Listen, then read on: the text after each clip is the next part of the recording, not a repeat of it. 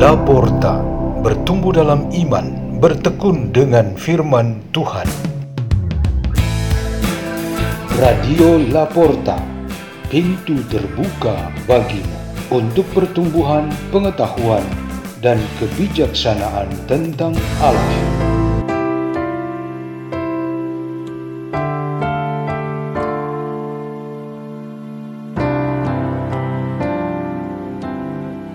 Bacaan dan Renungan Sabda Tuhan Hari Jumat, Hari Biasa Khusus Advent ketiga, 17 Desember 2021.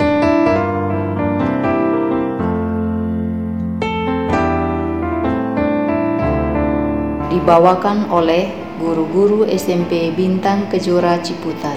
Bacaan dibawakan oleh Pak Raja dari Gereja Santo Nikodemus, Paroki Ciputat, dan renungan oleh Ibu Marlina dari Gereja Santa Bernadette, Paroki Ciledug, Keuskupan Agung Jakarta.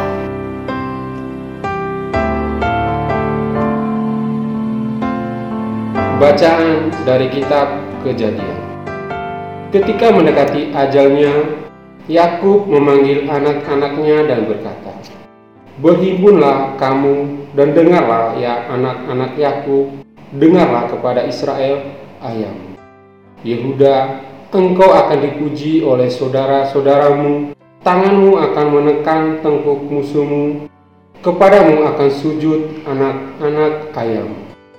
Yehuda, engkau ini seperti anak singa, setelah menerkam, engkau naik ke suatu tempat yang tinggi, hai anakku, engkau meniarap dan berbaring seperti singa jantan atau singa betina, siapakah yang berani membangunkannya?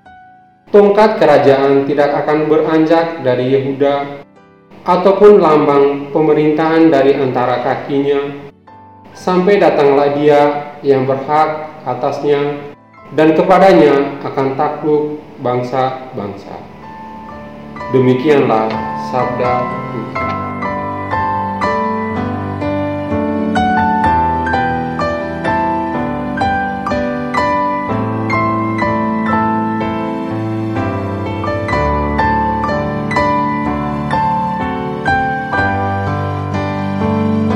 Tema renungan kita pada hari ini ialah keadilan Tuhan berjaya. Berapa hari belakangan, tokoh-tokoh kitab suci seperti Elia di Perjanjian Lama dan Yohanes Pembaptis di Perjanjian Baru menarik perhatian kita. Pada hari ini kita berkesempatan untuk berjumpa dengan tokoh Perjanjian Lama yang lain, yaitu Raja Daud. Yakub yang disebut Israel pada saat hendak meninggal dunia, ia memanggil anak-anaknya untuk memberikan mereka wasiat. Dan yang mendapat wasiat untuk menurunkan kuasa keadilan Tuhan ialah Yehuda. Dari dialah datang Raja Daud. Keturunan demi keturunan dari Yehuda ke Daud akan sampai ke Yakub yang memperanakkan Yusuf, suami Bunda Maria. Di dalam ruang kelas pada waktu pelajaran agama Katolik, seorang siswi protes keras kepada gurunya. Ia tidak ingin gurunya meneruskan pelajaran dengan menyebut nama Daud. Baginya, Daud itu pembuat skandal ulung. Sebagai remaja perempuan, ia ingin supaya tokoh-tokoh besar dan memimpin yang bersikap tidak adil, curang, pemuas nafsu birahi, pemerkosa seperti Daud tidak boleh dijadikan isi pelajaran karena ia tidak bisa menjadi contoh yang baik. Ibu gurunya berusaha untuk menenangkan suasana karena provokasi gadis itu membuat teman-temannya menjadi gaduh karena mereka mengutuk tokoh Daud.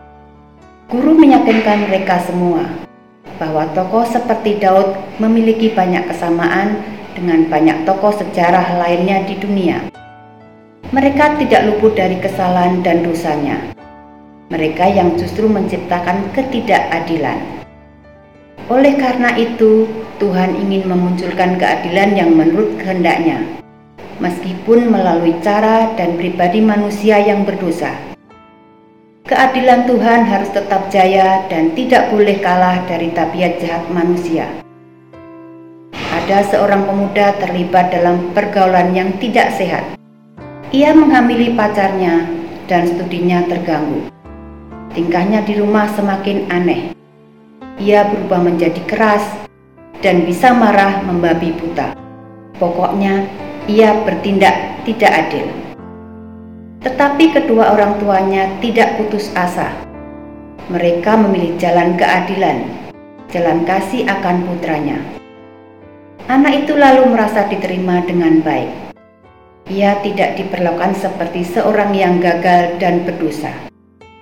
Kedua orang tua itu sebenarnya sedang mempraktikkan keadilan Tuhan yang berjaya. Kita belajar dari Daud bahwa kalau keadilannya hanya menuruti kemauan manusia, yang terjadi ialah ketidakadilan.